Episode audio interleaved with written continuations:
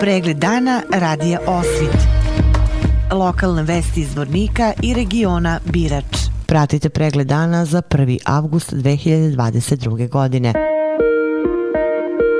koje su aktivnosti danas u kompaniji Alumina nakon odluke vlade održanog protesta u petak i učerašnjeg saopštenja za javnost. Čućemo od predsednika Sindikata metalske industrije i rudarstva Republike Srpske, Radenka Smiljanića.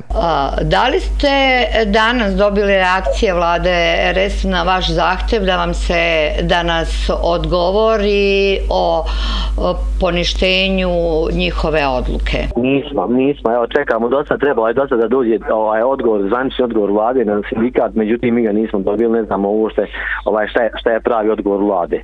To znači da tu odluku, ako postoji odluka, nisu je stavili, nemaju namjer da je staje van snage.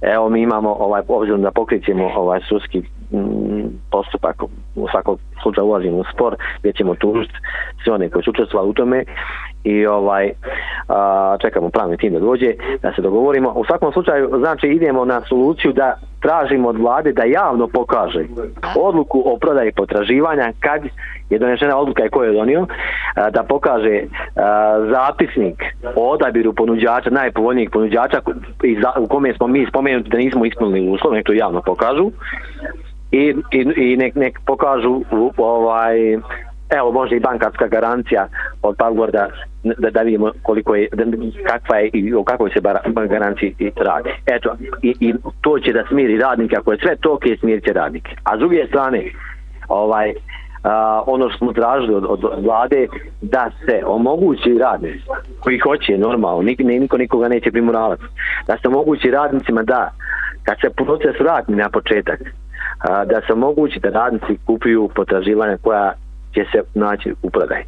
Sa, o, poslije toga radnik koji hoće da zadrži ta potraživanja, zadrži koji ne, ko neće nek proda bilo kome, pa makar sam zvali pa, Pagord i bilo ko drugi. Vi ste znači ostali e, na određeni način kod vaših zahteva? Jesmo, ostali smo kod naših zahtjeva jer to je, to je bio razlog da ovaj vidim da pokušavaju sada proture neku priču kako postoji neki drugi sindikat koji je eto saglasan sa, sa, sa, sa, sa ovaj a, prodajom potraživanja Pavgordu.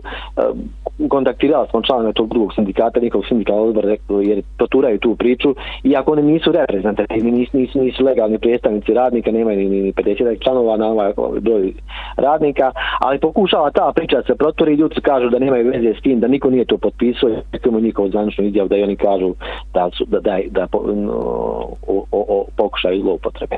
Za sada neće biti uh, protesta? A protesta će biti, ali samo da, da vidimo u kom obimu i, i kada ćemo krenuti proteste. Znači, uporedo sa sudskim pro, ovim postupkom, mm, znači idemo u tužbu, uporedo s tim, znači vidjet ćemo i sa, sa protestima, znači samo da vidimo koji dan ćemo krenuti i nećemo se ovaj sigurno zaustaviti na, na malim protestima. Moramo, znači, da tačno ovaj, šta je u U medijima je osvanulo i saopštenje pokreta za aluminu.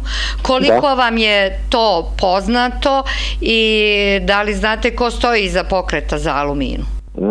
Čuo sam da postoje neki pokret za aluminium, čuli smo, pričali smo o tome ovdje, niko ne znam ko stoji, u stvari ne znam, bar mi ne znamo, možda možda znaju u gradu.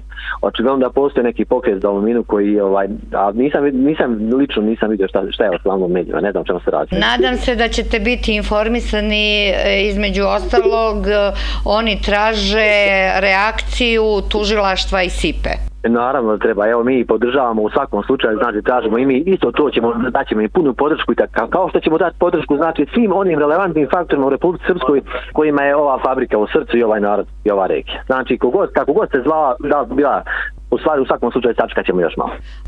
Hvala vam na izjavi za radio osviti. Nadamo se da ćemo imati mogućnosti narednih dana direktno od vas da čujemo najnovije informacije vezano za situaciju u alumini. Da, da, važno. Hvala vam.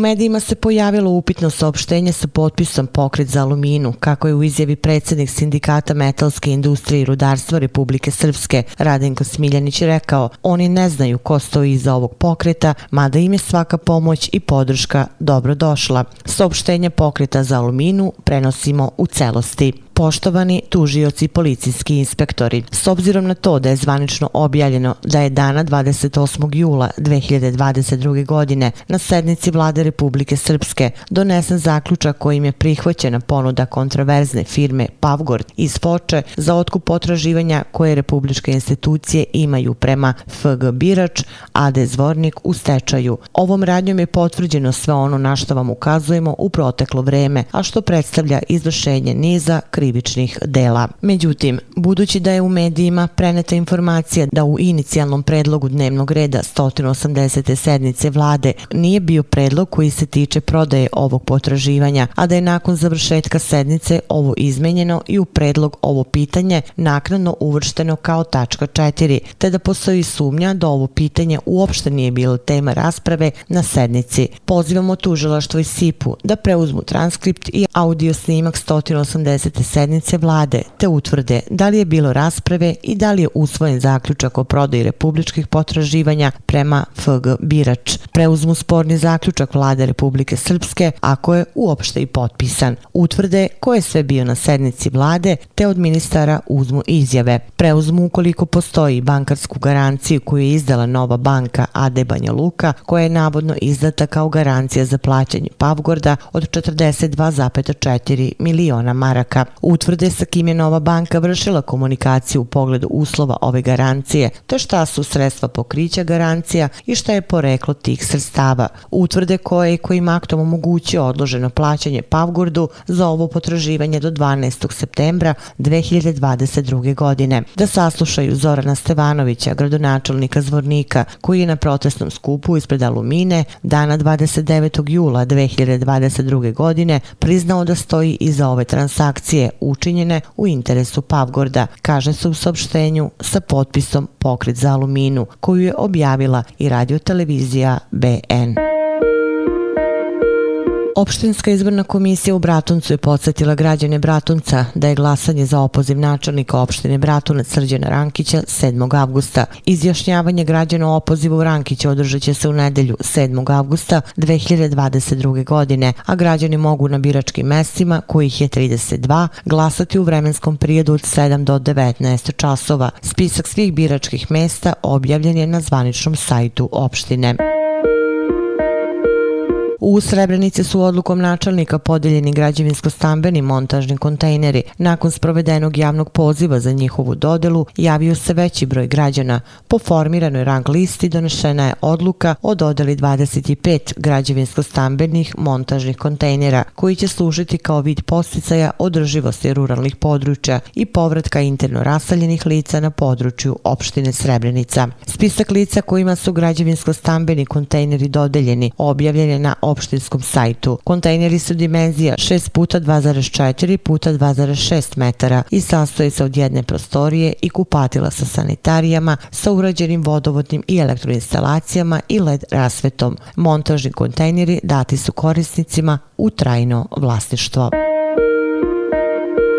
Kao završni deo malozvorničke višednevne manifestacije Drine smisao života juče je održana regata od Velike reke do Sakara. Učestvovalo je blizu 400 plovila i oko 3.500 učesnika u spustu niz Zvorničko jezero. U subotu su u Sakaru nakon takmičenja u okviru Somovijade proglašeni pobednici. Za takmičenje u hvatanju Soma bućkom odazvalo se oko 60 sportskih ribolovaca iz Srbije. Oni su izašli na ribolovnu stazu sa 20 plovila, a od ukupno šest ulova najuspešniji je bio novosađenin Slobodan Ležimirac.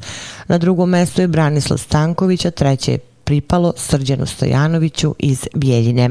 Za nagradu Zlatni kotlić takmičile su se kulinarske ekipe u pripremi riblje čorbe. Ove godine bilo je prijavljeno šest ekipa, a najbolju riblju čorbu pod oceni žirija skuvala je ekipa Mi smo Sremci iz Martinaca kod Sremske Mitrovice. Vesti iz Loznice. Četvrti muzički festival na raskrsnici u organizaciji produkcije Starčevi završen je sinoć u Banji Koviljači programom pod nazivom Veče žica. U amfiteatru Crkve Svetih apostola Petra i Pavla koncert su priredili domaćini manifestacije Trio Balkanske žice, odnosno Zoran Starčević, autor festivala, i njegovi sinovi Nikola i Željko, koji su posebno kao duo Starčević izveli program prilagođen klasičnoj gitari. Opširni na sajtu Loznice zvorničkenovosti.com.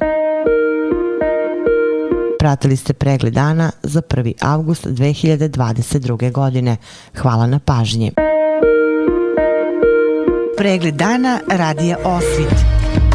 Lokalne vesti iz Vornika i regiona Birač.